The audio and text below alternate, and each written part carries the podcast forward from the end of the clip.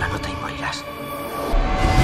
Sitges 2013, el Festival Internacional de Cinema Fantàstic de Catalunya a Catalunya Informació amb Àlex Gorina i Ferran Auberni. Dia 4. It's been a long time my old friend. Comencen a acumular-se moments per guardar d'aquesta 46a edició del festival. A les últimes hores ha estat francament especial l'estrena de Passion, l'última pirueta de Brian De Palma, que de seguida ens comenta l'Àlex Gorina. També s'ha viscut com una gran festa la presentació de la nova comèdia salvatge d'Edgar Wright, The Wall's End. I a tot això, l'home més fotografiat d'ahir va ser, sens dubte, l'actor anglès Charles Dance, que amb la seva ironia britànica i la seva imponent veu va guanyar-se al públic de les diferents sessions que va protagonitzar. D'una banda, el sorprenent remake d'un clàssic australià dels 70, Patrick, i de l'altra, la massiva trobada amb fans de la sèrie Joc de Trons. Dans, que també hem vist a títols com Ghost for Park i Alien 3, va explicar que l'any vinent rodarà una segona pel·lícula com a director, després d'haver fet ja fa uns anys l'última primavera.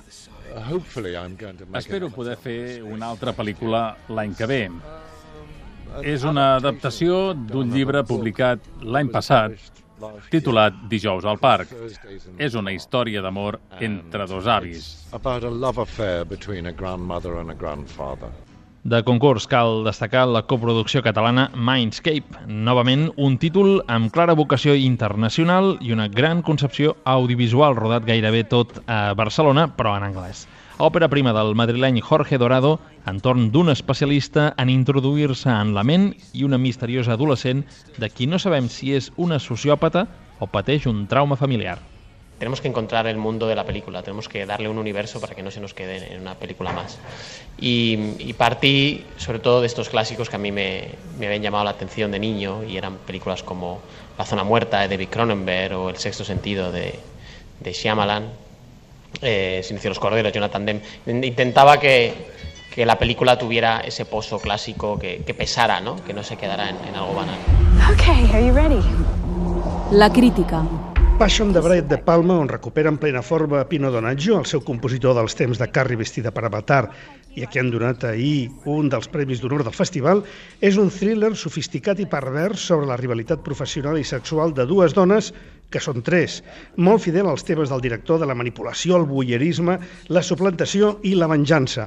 I en realitat una versió moderna d'Eva al desnudo, però en el món del teatre de les grans corporacions publicitàries.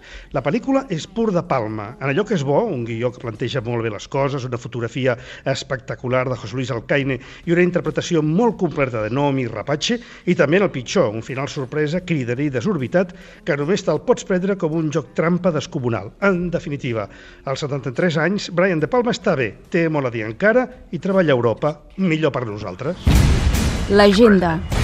Destaquem dues pel·lícules. L'últim deliri de Robert Rodríguez amb Machete Kills, que es veurà a l'auditori a partir de les 11 de la nit, i Possession, dirigida pel filipí Brillante Mendoza, un cineasta de moda per molts cinèfils que s'apunta ara al tema de les possessions i els exorcismes a través del personatge d'una reportera ambiciosa.